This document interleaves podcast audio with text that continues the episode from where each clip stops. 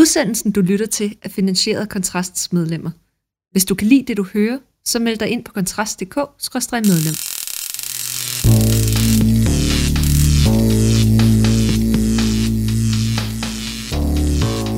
Hvordan skaber man et liv, som giver værdi og som giver mening? Og med hvilke globale trends og nye teknologier kan vi trumfe tradition og vanetænkning? Velkommen til Tændt, podcasten, hvor vi stiller skarpt på vilje og skaber trang. Interessen for kryptovaluta er steget stødt siden opfindelsen af bitcoin i 2009. Du har måske selv købt bitcoin, eller hørt om bitcoin-millionærer, eller haft lyst til at investere i valutaen. Det har min søn i hvert fald. Men hvad er teknologien bag kryptovaluta? Hvordan fungerer den i praksis, og hvilke andre områder, forretningsområder, kan teknologien udnyttes på? Det skal vi undersøge i dag sammen med min gæst, Lasse Birk Olesen. Velkommen til. Tak. Du er jo investor, du er ven af huset her, Kontrast, medstifter Kontrast, og så har du selv investeret i bitcoin. Ikke sandt? Jo, det er rigtigt. Jeg har i hvert fald købt, øh, købt bitcoin øh, på et tidspunkt i 2011. Øh, dengang var det nok mere som en øh, sjov adspredelse og nysgerrighed omkring, hvad, hvad det var. Øh, men det viste sig jo så senere hen at, at have været et ret godt køb. Det er det, og det skal vi måske tale om på et andet tidspunkt i en anden podcast, men, men i dag der interesserer vi os for, for teknologien, for byggestenene, prøver at ved din hjælp, altså prøve at finde ud af, hvad er det, man er det egentlig, at, at, hvad er det, der driver den her teknologi, hvordan er den skruet sammen? Øh, og øh, der er jo et ord, som øh, de fleste mennesker øh, i Foreningsdanmark, i Forretningsdanmark, i, øh, altså i, på seminarer og, og foredrag osv., der har beskæftiget sig med igen og igen, og det er ordet blockchain. For det er det, der ligesom er byggestenen, det mindste atom. Er det rigtigt forstået, Das?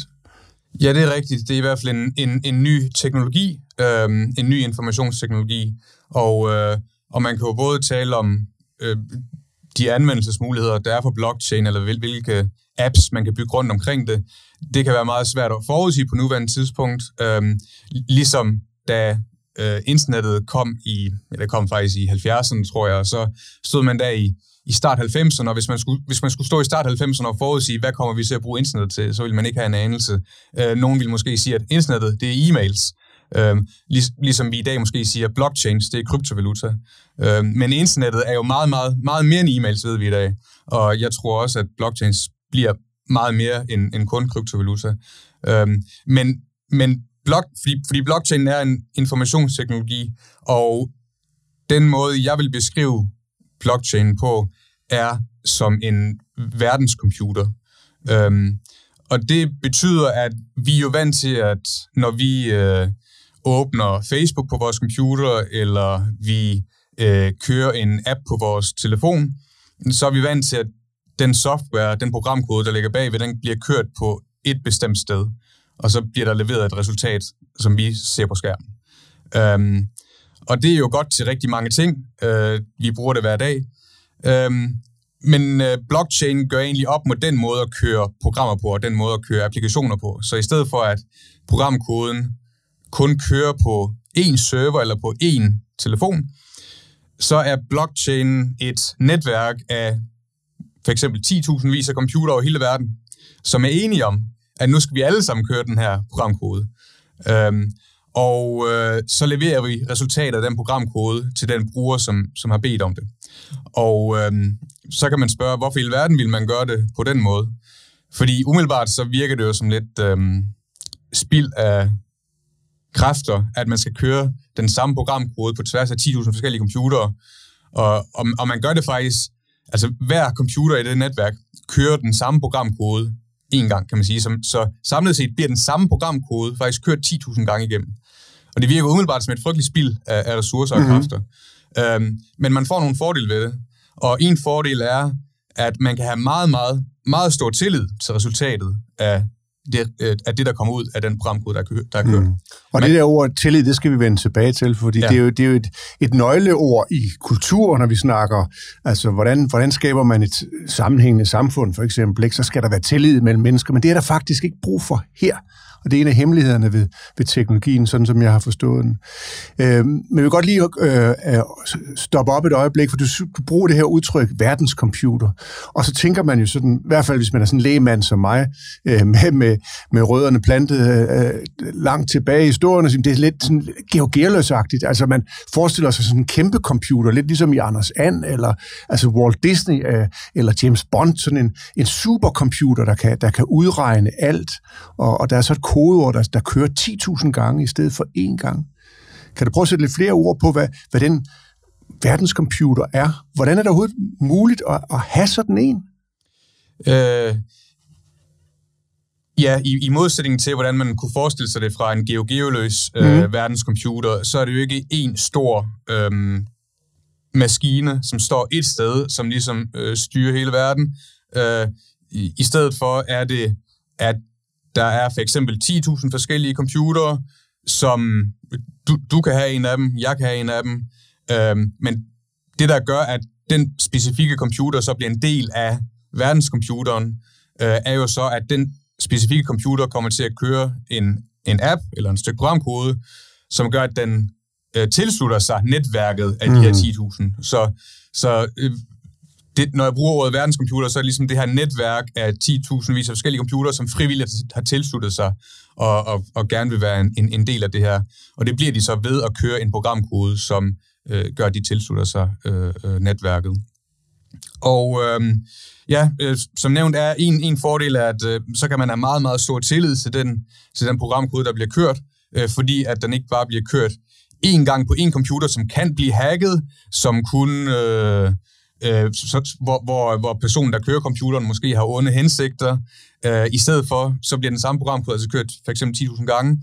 Og så, så længe at øh, majoriteten i netværket øh, kører din programkode på den rigtige måde, så er det også den øh, øh, eksekvering af programkoden, som bliver anerkendt som den rigtige. Og derfor, hvis man skulle korrumpere, hvis man skulle hacke det her system, så er det altså ikke nok, at du hacker en eller to eller ti af de her computere. Så skal du altså hacke over halvdelen i netværket. Øhm, og det vil så sige, øh, det, det, det, det, det er så rigtig, rigtig svært. Øhm, og, det, og det gør så, at man kan stå tillid til det.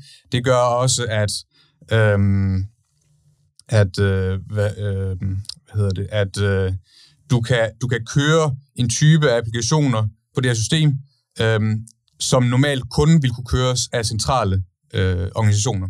Ja, for det er jo ikke et centralt system. Det er tænkt som et decentralt system, altså ja. et netværk, en kreds, en, en, en, en, et digitalt netværk af nogle blokke, altså mm. blockchain, det er vel det, det betyder, altså, betyder ja. oprindeligt. Ja. Øh, så der er jo ikke nogen banker eller centrale myndigheder koblet op på det her, eller, eller hvordan? Øh, ikke nødvendigvis i hvert fald. Men der øh, kan godt, så. Det, det, det, det er sagtens, og øh, en af øh, de nationalstater, som er blevet en del af, af Bitcoins netværk, er jo El Salvador, hvor præsidenten var ude at sige, at, øh, at øh, El Salvador øh, nu anerkender Bitcoin som officiel valuta, øh, ved siden af, at de har også US dollar, men nu har de altså to officielle valutaer. Øh, plus at øh, El Salvador er selv begyndt at det, man kalder mine bitcoin, som vi også skal gå dybere ned i, hvis vi skal det. Mm, men det, skal vi, men, ja. men det betyder, at øh, de har El Salvadors regering er begyndt at stille computer op, som ligesom er en del af verdenscomputeren og er en del af at verificere transaktioner. Øhm, så det, det, det er et åbent system, så du og jeg kan blive en del af det, men en nationalbank kan også blive en del af det, som det nu er sket fra, fra El Salvador. Men det er så undtagelsen alligevel? Altså det, indtil videre, ja. Indtil videre, ja. ja.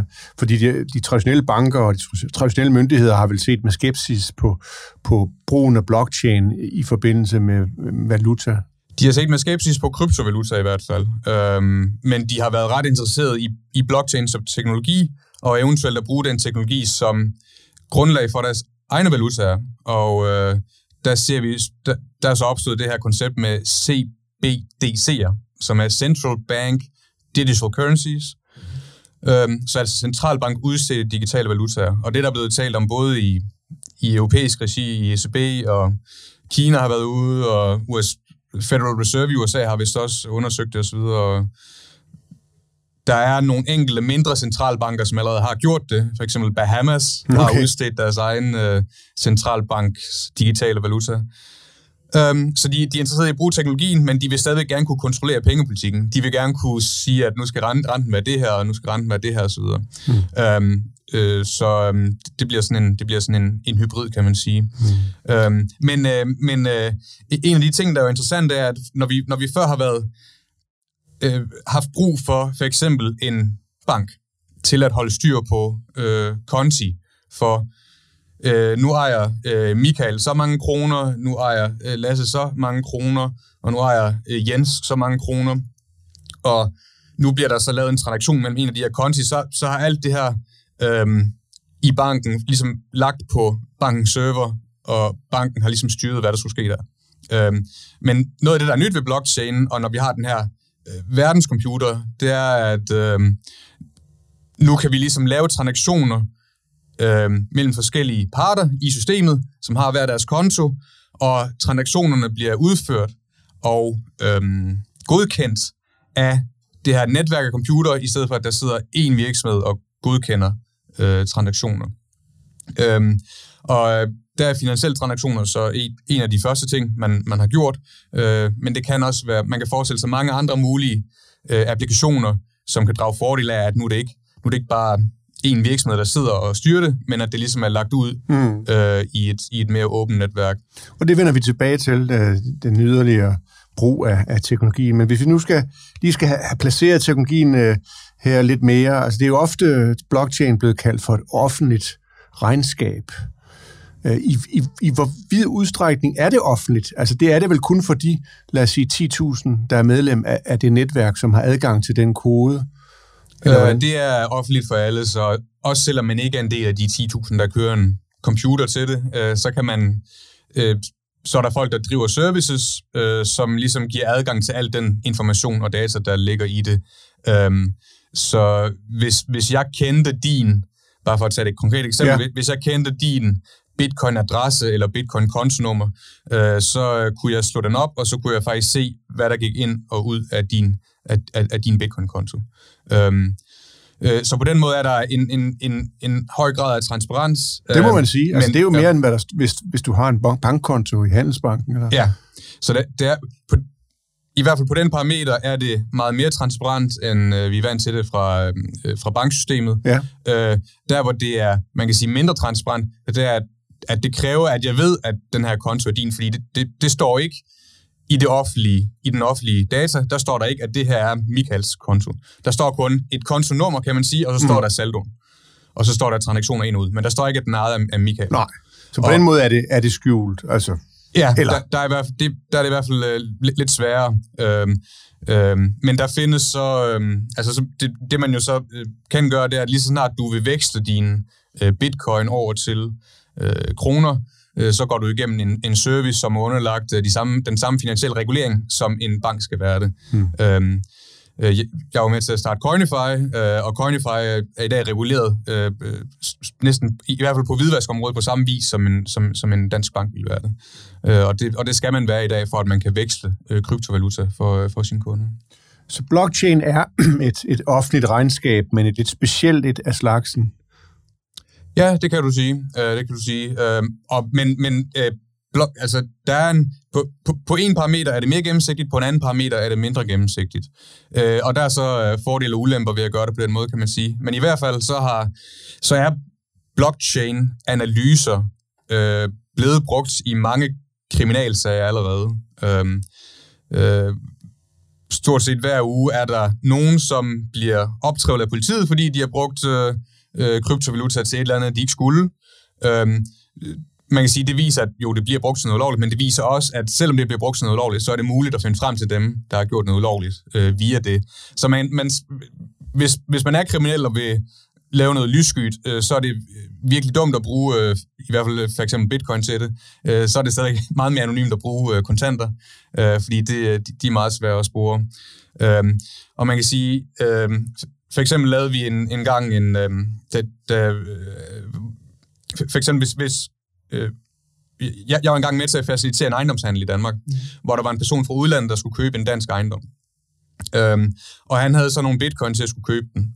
Øhm, og øh, der ville vi så sikre os, at, øhm, at de penge ikke kom fra noget lovligt. Øh, og vi kunne så øh, på 10 minutter kunne vi øh, slå op og se 50 transaktioner tilbage i historikken, altså hvor, hvor de penge havde været før.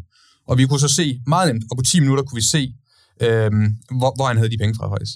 Mens hvis en, hvis en dansk bank skulle have gjort det med en normal udenlandsk overførsel, øh, øh, så ville det have taget månedsvis, hvis det overhovedet kunne lade sig gøre, fordi nu i det her tilfælde øh, kom øh, personen fra, fra Ukraine, Øh, det var inden krigen og så videre. Mm. Men, øh, men så først skulle den danske bank så have ringet til den ukrainske bank, hvor pengene kom fra, og spurgt, øh, kan I give os oplysninger omkring, ja. hvor, hvor kommer de her penge ja. fra?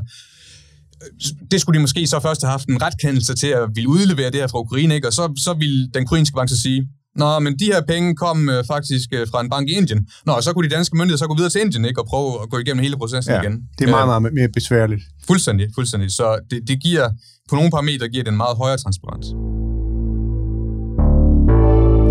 Podcasten er betalt af Kontrasts medlemmer. Kan du lide, hvad du hører? Så bliv medlem på kontrast.dk til en god intropris. Vi har brug for din støtte. Og der er vi jo så tilbage ved det ord, du brugte for et par minutter siden, altså tillid. Fordi mange transaktioner, der har man måske ikke tillid til hinanden. Altså hvis du skal handle med kinesere, hvis du importerer ting via container og shipping osv., så, videre, så kan det være svært at vide, hvad, hvor kommer varerne fra, er de ægte, øh, så videre, så videre. Altså, hvad er det, blockchain kan med hensyn til tillid og ikke tillid? Ja, det er øh, blandt andet den her, den her øh, meget høje, det her meget høje niveau af, af transparens, og at man ved, at lige så snart man lige så snart man gør noget i systemet, så kan man forudsige via programkoden præcis, hvad der kommer til at ske, og at der ikke er nogen, der kan lave om på det. Så for eksempel Mærsk har jo kørt et projekt med øh, øh, tracking af shipping-containere. Øhm, I dag, eller traditionelt set, når man skal sende en shipping-container fra et land til et andet land, hvis jeg husker rigtigt, så er det noget med 90 af 4 sider med, med, med dokumenter og underskrifter og stempler osv. osv., osv. for at kunne flytte en container fra et land til et andet land. Øh, så det er meget, meget omstændigt og meget bøvlet. Og hver gang den her container i processen øh, skifter, øh, skifter fra, fra et shippingfirma til et andet logistikfirma og bliver, øh, bliver øh, lagt i en havn og skal så sendes videre fra den havn. Hver gang er der, er der mere og mere dokumentation.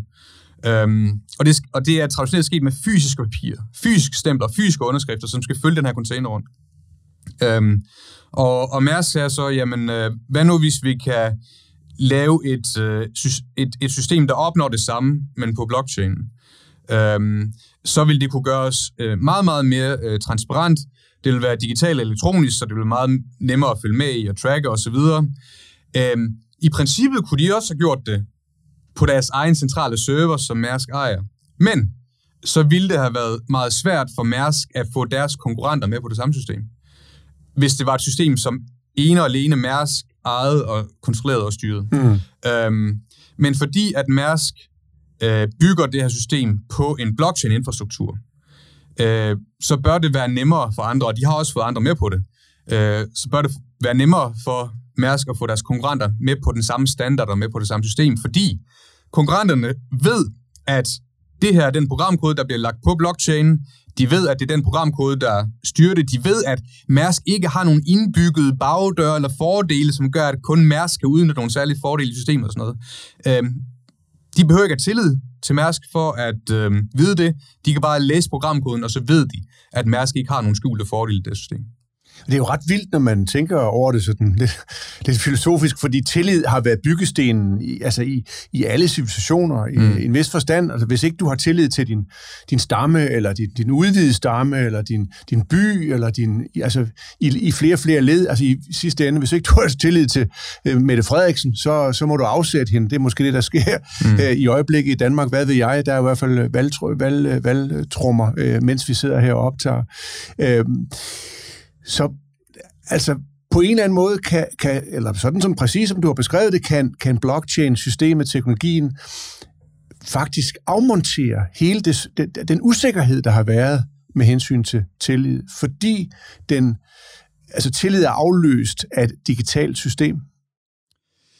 Ja, i, i hvert fald på de her områder. Jeg tror ikke, jeg tror ikke øh, tillid kommer til at gå af mode. Øh, jeg tror, vi, jeg tror altså sådan, sådan som jeg tænker på det, så er det, at, øh, at vi har ligesom en bestemt mængde tillid, og den kan vi så bruge på forskellige ting. Øh, øh, men når blockchain ligesom går ind og siger, at på det her område behøver du ikke lige så meget tillid som før, det betyder så, at den faste mængde tillid, vi havde før, den kan vi nu bruge for nogle andre ting. Mm. Det, det er sådan, jeg lidt, lidt tænker på det lidt abstrakt, men, men det er i hvert fald sådan, jeg tror, det kommer, det kommer mm. til at ske. Og, og man kan sige, øh, sådan historisk, så var, var tilliden jo også før endnu mere øh, nær og endnu mere personlig før, end den, end den, end den er i dag. Altså, Øhm, før der var øh, den udvidede familie meget, meget vigtigere. Klanen, sta- stammen var endnu mere vigtig for den handel, du lavede.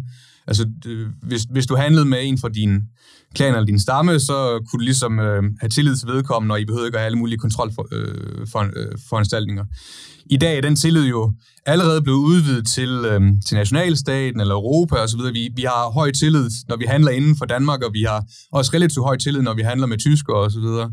Øhm, og, øh, og på samme måde tror jeg, at øh, blockchain kan hjælpe med at udvide tilliden til, til, til endnu flere, mm. øhm, som gør, at, øhm, at, øh, at, ja, at, at, at verdensmarkedet simpelthen bliver øh, mere effektivt og, øh, og bedre, og at nye ting kan lade sig gøre, som ikke kunne lade sig gøre før. Jeg skal lige forstå, altså hvis man nu har bestilt en, en pakke fra Tyskland for eksempel, så kan man jo i dag gå ind øh, og, og følge den pakke og se, hvornår den dukker op i, i Brøndby, eller, altså, og så bliver den sendt videre derfra øh, mm. til andre dele af Danmark.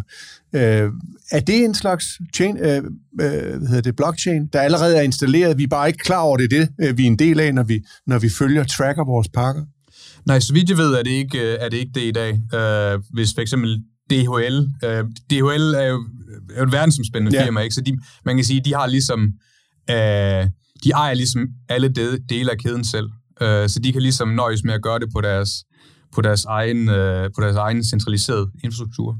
Uh, men man kunne forestille sig, at man kunne bygge en konkurrent til DHL, og, og så kunne man gøre det med udgangspunktet i uh, blockchain. Og så, hvis jeg så ville være Øh, bud i det her system, så kunne jeg øh, øh, tilmelde mig selv som, øh, som bud i, i, i blockchain pakkeservice.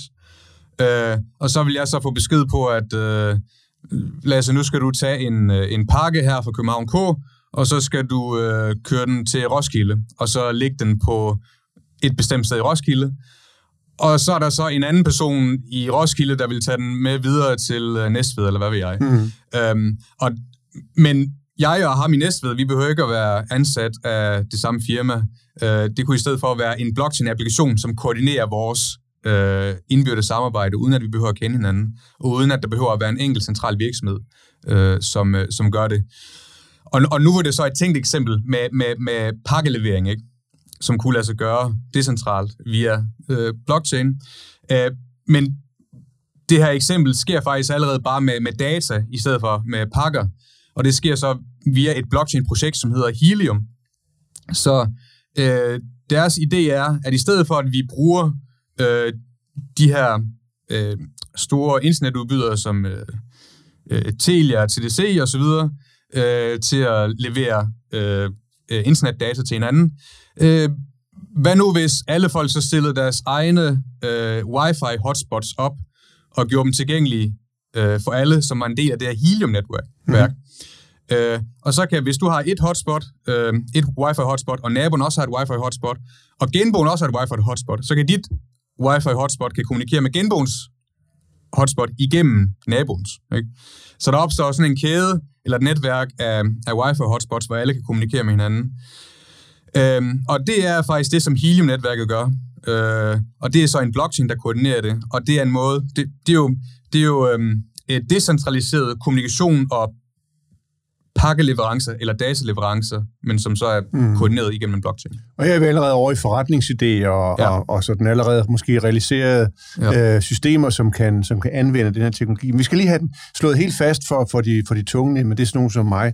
Altså, hvad, hvem er det, der laver blockchain? Øh, og hvordan gør de det? Og, og, og øh, altså, du nævnte også et begreb tidligere, det der med at mine, men det har med kryptovaluta at gøre, ikke sandt? Eller er det forbundet med, med selve teknologien? Det var, det var i hvert fald oprindeligt forbundet, fordi okay. øh, bitcoin var jo den første blockchain, der kom, og i bitcoin er, er kryptovalutaen og blockchain øh, meget nært forbundet med hinanden. Og øh, bitcoins blockchain kan kun eksistere, så længe at der er nogen, der miner de her nye, de her nye bitcoins, der bliver udstedt. Øhm, men der er kommet andre og nyere blockchains til siden, øh, hvor de to er ikke helt så koblet, som det er, som det er i bitcoin. Øh, og for eksempel for nyligt øh, gik, øh, gik øh, den næststørste blockchain, der findes, hedder Ethereum. Den gik væk fra den samme øh, hvad skal man sige, teknologi, som, som bitcoin havde, og så gik den over til en anden teknologi, hvor der ikke længere er mining. Øh, og det betyder for eksempel, at i dag bruger Ethereum stort set næsten nul energi øh, til sammenligning med Bitcoin, som har fået meget øh, kritik for at bruge alt for meget energi. Ikke? Ja, for det er jo det, jeg skulle til at spørge til. Altså, det der mining, det koster altså øh, i elektricitet og strøm. Ja, øh, ja. Altså, øh, altså på, på, på kolossalt meget. Altså, ja. øh, og, og det, det er jo ikke så smart i, på mange måder, og slet ikke politisk korrekt i, i øjeblikket. Nej, altså hvad angår bitcoin, så er det i hvert fald et image-problem for bitcoin, øh, fordi at der er mange, der synes, det er et stort problem.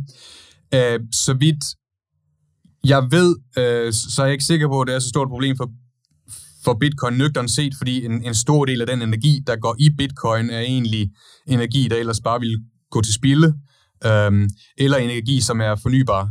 Øh, for eksempel er der mange vandkraftværker, øh, som er koblet op på, på bitcoin-miner, Øh, så det vil sige, at det er bare vandkraft, som går ind til at blive brugt til at mine de her bitcoin. Okay. Og El Salvador, som ja. vi nævnte før, øh, de, har, de udnytter varmeenergien fra deres vulkaner til at mine bitcoins. Mm. Øh, så en, en, en stor del af det, der bliver minet bitcoins for, det er egentlig fornybar energi. Okay. men det, man må medgive, at det er et image-problem for bitcoin, og det problem har for eksempel Ethereum slet ikke længere, hvor, hvor fordi det bruger stort set nul energi. Mm. Og, og, og det, så det, Ethereum er et eksempel også på en blockchain, hvor den primære use case egentlig ikke længere er omkring kryptovalutaen.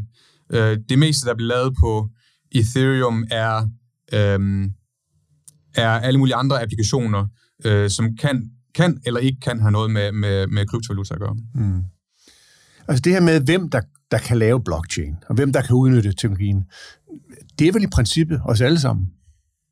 Ja, så øh, Ja, altså man kan jo i princippet godt øh, opfinde sin egen blockchain og udgive den, ligesom Lars Seier har, har gjort med sin uh, Concordium-blockchain. Uh, um, og, uh, og nogle af dem vil sandsynligvis blive, blive succesfulde. Um, uh, men det er, det er et område med meget store netværkseffekter, altså meget store sådan nogle høn- og ægget problemer i at, i at komme i gang, ja. uh, fordi at at for at nogen gider at bruge din blockchain, så skal der ligesom allerede være andre på blockchain, som de kan handle med og øh, udveksle programmer med osv. Så, øhm, så det, det, det, er, det er svært, og det er dyrt at komme i gang, men det, i princippet kan alle lave deres egen blockchain. Men det som, hvis man er iværksætter og gerne vil lave noget med det her, øh, så tror jeg, at der er mange flere muligheder inden for at øh, bygge nye applikationer oven på eksisterende blockchain, som udnytter dem til at, til at gøre noget nyt. Så man ikke øh, igen skal sidde med, med hønen og ægge, men man udnytter det, der allerede fungerer. Ja, ja, præcis. Ligesom, ligesom hvis man i dag laver en, øh, en app til øh, en app til mobiltelefoner, så starter du ikke med at skrive skrive din eget, dit eget styresystem til Apple iPhone. Øh, du laver en app, som ligesom lægger sig ovenpå det eksisterende øh, infrastruktur, og det er, er også vejen frem for de fleste iværksættere i dag, det er at udvikle nye apps ovenpå Ethereum, ovenpå Solana eller ovenpå Concordium, som allerede findes derude.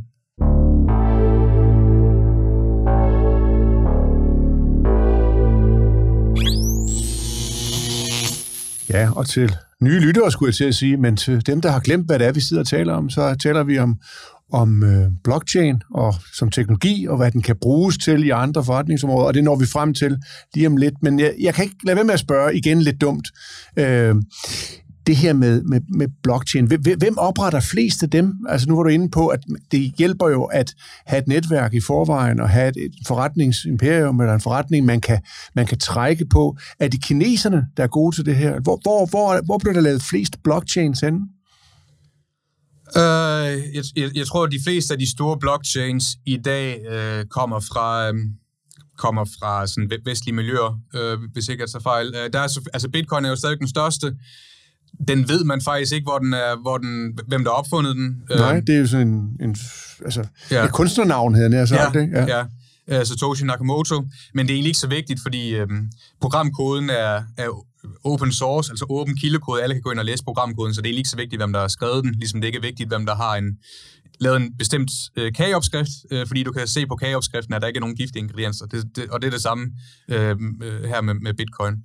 Øhm, øh, men de fleste udviklere, som arbejder på Bitcoin i dag, tror jeg er, er, er vestlige udviklere. Øh, Ethereum har jo en, øh, en kanadisk øh, stifter, som hedder Vitalik Buterin. Ethereum er den næststørste blockchain. Øh, øh, så det, og de, de fleste Ethereum-konferencer bliver også holdt i, øh, i Vesten. Der var en øh, kinesisk blockchain, som hed øh, Tron, som var ret stor på tidspunktet, men så vidt jeg husker, så var der her i starten af året en, øh, lidt en, en katastrofe i det netværk, som gjorde, at, øh, at den ikke er så stor længere. Hvad var det for en katastrofe? Øhm, jamen, der var, øh, der var en, de havde, en, de havde udstedt en øh, valuta oven på deres blockchain, øh, som hed øh, UST, øh, og det viste sig så, at, øh, at der ikke var nogen øh, værdier, at der ikke var, var værdier nok bag ved den, øh, ved den valuta, så den crashede, og, øh, og så gik det også dårligt for den blockchain, der lå nedenunder. Mm. Øhm, men, øh, men altså, der, der er bestemt også stor, stor aktivitet i, i Asien, men, øh, øh, men det er, mit indtryk er, at der, at der, der, er, der er stadig flest penge, der investeres i det, og der er stadig flest udviklere fra Vesten, som, øh, i, hvis, hvis man måler. Og hvis vi skal prøve at forklare, hvorfor det er sådan, altså hvorfor er blockchain stadigvæk et vestligt domineret medier er det jo ikke, men teknologi, altså er det, er det, handler det om netværk, handler det om, om graden af, af kapitalisme og evnen til at, øh, at, at se fordele i samarbejde, i, i eller, eller, eller, eller hvorfor? Ja, altså det, det er vel sådan, at det er ligesom standarden for de fleste nye teknologier, vel, det er vel, at, at, at Vesten er førende, fordi det er Vesten, der stadigvæk er rigest mål sådan i absolute øh, termer. Øhm, øh, men øh, Kina var ved at hale rigtig godt ind på et tidspunkt. Øhm, der var rigtig meget blockchain-aktivitet i Kina, men så på et tidspunkt valgte den kinesiske regering at slå hårdt ned på det, og øh, der var mange miner i Kina, det blev pludselig forbudt i Kina.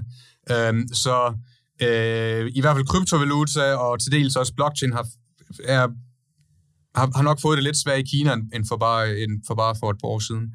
Så, så blockchain kan godt blive set som en trussel i sådan autoritære øh, politiske systemer, som vil regulere og kontrollere øh, det meste øh, samkvem. Ja, især, især når det gælder kryptovaluta, er der i hvert fald, øhm, har det i hvert fald fra øh, kinesisk side, øh, har, der, har der ikke været set så venligt på det. Øhm, og jeg tror også, vi kommer til at se blockchains kan komme til at spille, spille en større og større rolle inden for medier og kommunikation og sociale medier, hvor øh, regeringer jo også kan have en interesse i, hvad, hvad er det, folk siger til hinanden på sociale medier. Øh, jeg, og nu kommer vi lidt ind på applikationer igen, men, men, men jeg tror, at det næste store sociale medie kan blive et blockchain-medie, hvor hver person ejer sin egen konto, ejer sin egen følger, i stedet for at det er Facebook og Twitter, eller øh, WeChat i Kina, som ejer øh, dit netværk, eller som ejer, hvem der følger dig, og kan gå ind og censurere dig fra den ene dag til den anden. Og så er vi allerede ved at kigge i, krø- i krystalkuglen, og lad os fortsætte med det, Lasse øh, Birk Olesen. Vi, skal, øh, vi har jo nævnt øh, altså eksemplet med, med shipping. Øh, hvis du skal have sporet øh, en, en container, hvis du skal vide, hvor den er, hvis du skal have den hurtigere igennem øh, 12 og myndighedsregulativer, øh, øh, og have, altså have, have den hurtigere frem og, og begrænse udgifterne til kontrol med, med containertrafik. Ja. Øh, så den, den kan vi ligesom sige, den har vi dækket, men, men der er vel også mange andre brancher, Øh, hvor, hvor øh, blockchain øh, kan, kan udnyttes. Altså fødevarebranchen er måske et eksempel. Jeg kender lidt til, til trævarebranchen, møbelbranchen, øh, hvor man jo er meget interesseret i at vide, hvor man skal også per lovkrav kunne dokumentere, hvor tingene kommer fra. Øh, det gælder helt ned i træsorter, hvor et træ er fældet. Mm. Øh, man skal også øh, forhindre plagiat. Altså hvis man er en lille eller mellemstor dansk virksomhed, som producerer det, man vil kalde for luksusartikler eller kvalitetsprodukter, øh, så, så er man meget følsom over for, for, ja, lad os sige det som det er, kinesiske kopier. Øh, det er vel sådan nogle områder, hvor, hvor blockchain er blevet nævnt. Øh, vil du knytte en kommentar til noget af det her? Ja, ja, og det er og, og for at give et hurtigt eksempel, så tror jeg, at Walmart øh, nu kræver, at alle, alle, der leverer salat til Walmart, skal ligesom dokumentere, hvor den salat har været, inden den kommer til Walmart, og det skal ske via en, en blockchain-teknologi. Øhm, og, øh, og, og, og grunden til, at Walmart og Mærsk gør de her ting, det er jo fordi, at, at det giver dem en, en, en større sikkerhed, og det giver nogle effektivitetsforbedringer. Øh, øhm, og øhm, og, og man, kan, man kan lidt udvide det fra logistikken, hvor det jo handler, man kan sige, i logistikverdenen handler det sådan om, hvem, hvem kontrollerer en given vare på et bestemt tidspunkt, og hvem har kontrolleret den vare førhen. Altså hvem har haft, i hvilke hænder har den her vare været før. Øhm, man kan udvide det til også at handle om, om ejerskab. Øh, så hvem ejer egentlig den her vare? Øh, og der kommer vi ind på sådan noget som øh, kinesiske plagiater og sådan noget også, og, og kunne øh, oprindelsesbestemme, øh, hvor tingene kommer fra. Og jeg, jeg tror, at, at øh, en større større del af alt, af alt ejerskab i verden kommer til at blive dokumenteret og registreret via blockchains. Øhm, I dag er vi jo vant til at registrere vores ejerskab af vores hus, øh, når vi skal tinglyse et hus, øh, øh, og det gør vi så op i staten, når vi betaler et gebyr på en procent eller sådan noget. Øhm, og øh, det gør vi, fordi at, at huse er dyre, og de er vigtige. Øh, så det er meget vigtigt at vide præcis, hvem ejer det hus nu. Men det er også relativt dyrt at gøre det, fordi det er mennesker, der skal sidde og underskrive og stemple dokumenter osv. Men blockchain gør det så billigt, at jeg tror, at vi kommer til at gøre det i mindre og mindre ting i fremtiden end, end huse. Øhm, så øh, jeg tror også, vi kommer til at gøre det, når du, når du går ned og køber en iPhone i Elgiganten. Øh, så tror jeg i fremtiden også, at du vil få en, øh, det, man kalder en token, altså en, øh, en, en, et, et blockchain-bevis på, at du har købt den her token, og man kan se, at den her token er udstedt af Apple. Øhm, og så gik den her token, den gik så videre fra Apple, gik den videre til Eleganten, og nu er den token så ejet af Michael. Mm, og hvis jeg så sælger den iPhone? Øh... Ja, hvis du så i fremtiden vil sælge den iPhone på den blå avis, så vil, så vil køber så sige, Øh, jeg vil gerne vide, at det her ikke er en varm iPhone, som er blevet stjålet, så jeg vil venligst vise den her token, du har, og så kan du så vise, at du fik den direkte fra Elgiganten, som fik den direkte fra, fra Apple. Mm. Øh, og det vil så være bevis for, at den her iPhone ikke er stjålet. Øh, og øh, det vil kunne lade sig gøre, fordi at det er så billigt at gøre det med blockchains, øh, mens det vil ikke give mening at skulle betale tinglysningsafgift til staten på din iPhone, vel? Fordi mm. at, øh, det, det, vil, det vil bare være for, for dyrt og byråkratisk. Ja. Øh, nu har du allerede givet nogle eksempler på, hvad det kunne være. Lad os lige holde lidt fast i den, du nævnte før, altså et nyt stort socialt medie, som kunne være drevet af, af, af blockchain. Altså, hvordan i praksis, hvad, hvad forestiller du dig? Ja, så øh, det, der er jo kæmpe store problemer med sociale medier, og det har særligt vist sig i de sidste par år, øh, hvor øh, særlige grupper bliver censureret eller bliver øh, nedprioriteret af deres algoritmer osv. Øhm, og, og det er jo ofte, ofte folk fra sådan den borgerlige fløj eller højrefløjen, som bliver nedprioriteret af de her algoritmer. Øhm, mens, du tænker på Facebook, øh, ja, Twitter. Facebook og Twitter, ja. mens, øh, øh, mens, mens øh, for eksempel øh, Ayatollahen fra Iran, han kan godt skrive på Twitter, at øh, Israel skal udryddes, og alle jøder skal skubbes i havet. Øh, det bliver ikke censureret. øh, men øh, men øh, øh, mens nogen fra højrefløjen, som stiller spørgsmålstegn ved, øh, hvor kom øh, covid-19 fra, eller sådan nogle ting, de bliver, de bliver censureret, ikke? Så det, det, det jo vildt underligt. Øh, og, men det, det, det jo nok bare fordi, at, at de, udsprunget, de her sociale medier er udsprunget af en bestemt kultur øh, over på vestkysten i USA. Mm. Øhm, men, men, det, men det gør også, at øh, alle, der optræder på sociale medier, de, og som får en del af deres indkomst derfra, de skal jo træde enormt varsomt. Øhm, fordi fra den ene dag til den anden, kan Facebook og Twitter, YouTube, Google, kan ligesom tage hele deres økonomiske eksistensgrundlag fra dem, hvis de beslutter, beslutter sig for det. Øh, og, og, og, og samtidig, så, op, altså, så opfordrer de der, deres algoritmer dem faktisk til at gå helt til grænsen, fordi hver gang man siger noget kontroversielt, det, det er ofte det, der ligesom genererer likes eller øh, eller noget på, øh, på Twitter. Så, så man, man opfordres faktisk til at sige noget kontroversielt, som folk hurtigt kan forholde sig til. Men samtidig må man ikke sige noget for kontroversielt, så bliver man bandet. Så man bliver opfordret til at gå lige til grænsen, men ikke over den, fordi så bliver man bandet mm. og, og mister sit øh, økonomiske livsgrundlag. Så det er, det er en meget absurd situation. Øh, men det, som blockchain kan gå ind og gøre anderledes her, det er, at i stedet for, at det er Facebook og Twitter og Google, som som, som faktisk ejer kontrollen over dine følgere og ejer kontrollen over dit netværk, øhm, så kan som egentlig minder lidt som et øh, som noget øh, maoistisk landbrug, hvor det hele sådan er fælles eje. Øhm, men, det, men det er en eller anden central organisation, som sidder og høster alle frugterne i dit hårde arbejde. Så i stedet for med en blockchain, kan du bygge et socialt netværk, hvor det er dig, der ejer dine følgere, øh, og der er ikke nogen, som kan gå ind og øh, tage de følgere fra dig, eller slette din konto. Øhm, og øh, det vil jo først og fremmest gøre, at folk vil have et meget større incitament til at dyrke deres følgere, et meget større incitament til at bygge en større følgeskare, et meget større incitament til faktisk at levere indhold, og at, at levere det indhold, som de selv øh, tror på er det rigtige indhold, og som er det sande indhold, altså sige det, de faktisk mener. Mm. Fordi at øh, der er ikke nogen, der kan komme fra den ene dag til den anden, og ligesom slette deres konto. Øhm, så jeg, jeg tror, at den her type af sociale netværk kan udkonkurrere de eksisterende sociale netværk, fordi der er bedre incitamenter, der er en større sikkerhed, der er en bedre ejendomsret simpelthen over dine egne følgere, øhm, end det her kommunistiske kollektive landbrug, som Facebook og Twitter er. Øhm, men der er selvfølgelig nogle øh, høn og ægget ting, som skal overvindes først, fordi det er svært at for et nyt socialt medie at nå den her kritiske masse af, af, af, af følgere. Øh, men det kan lade sig gøre. Øh, Facebook slog jo MySpace af banen. Øhm, så hvorfor skulle, det, hvorfor skulle det ikke kunne ske en gang til? Men man sidder og venter på, at nogen finder på det i USA. Altså på en eller anden måde, så kigger vi altid mod vest. Nu er du jo selv iværksætter og driftig og alt det der, at du har lige plantet en, en, god, øh, en god idé her. Men det kræver altså, der er nogle forudsætninger, siger du, der skal til for, at en, en blockchain kan blive stor nok. At der skal være den, man skal have et, ja, et fysisk netværk først, eller hvordan? Ja, måske. Altså måden, øh, måden Facebook gjorde det på med at slå MySpace af pinden, det var jo ved, at Facebook startede med at være super elitært.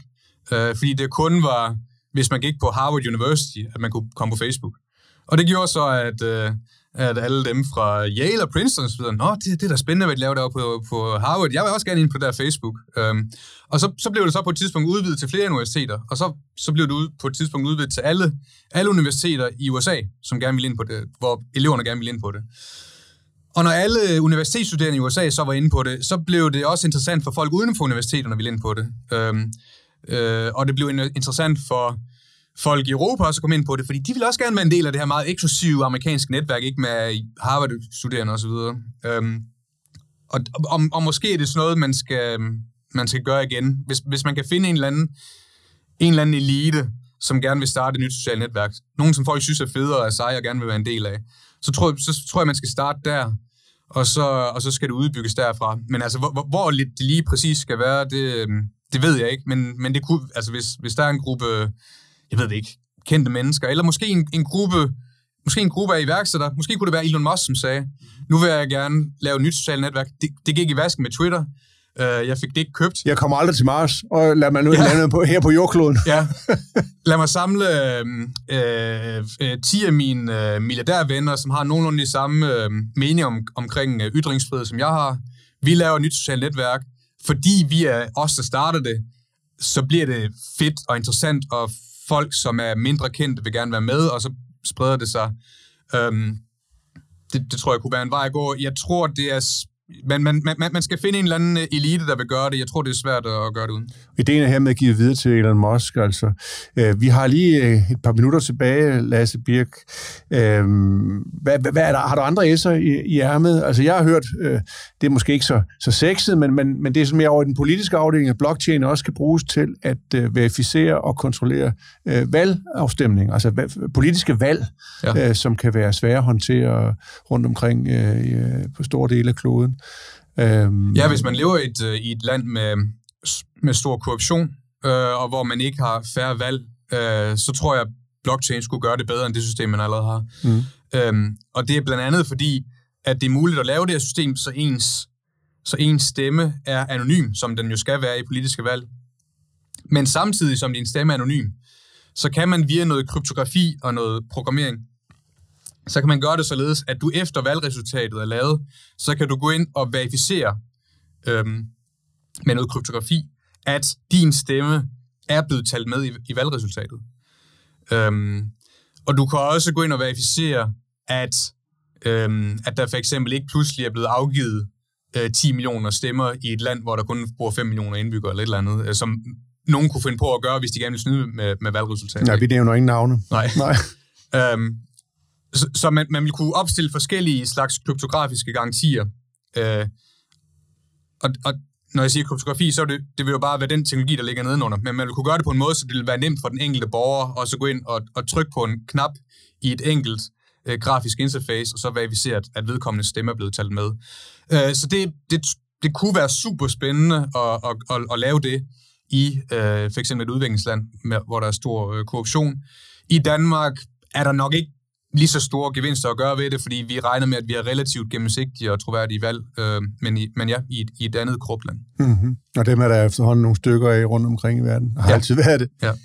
Du har en sidste idé med, er det ikke rigtigt? Øh, Du sidder og trykker på din, øh, din iPhone. Øh, jeg vil se, om jeg havde flere øh, noter, øh, men vi har faktisk været det igennem. Vi har været igennem. Ja. Og således øh, øh, rejste vi fra bitcoin til, til øh, over blockchain, til Elon Musk og til det, du kaldte for øh, den, øh, den marxistiske eller kollektivistiske børnehave på Facebook.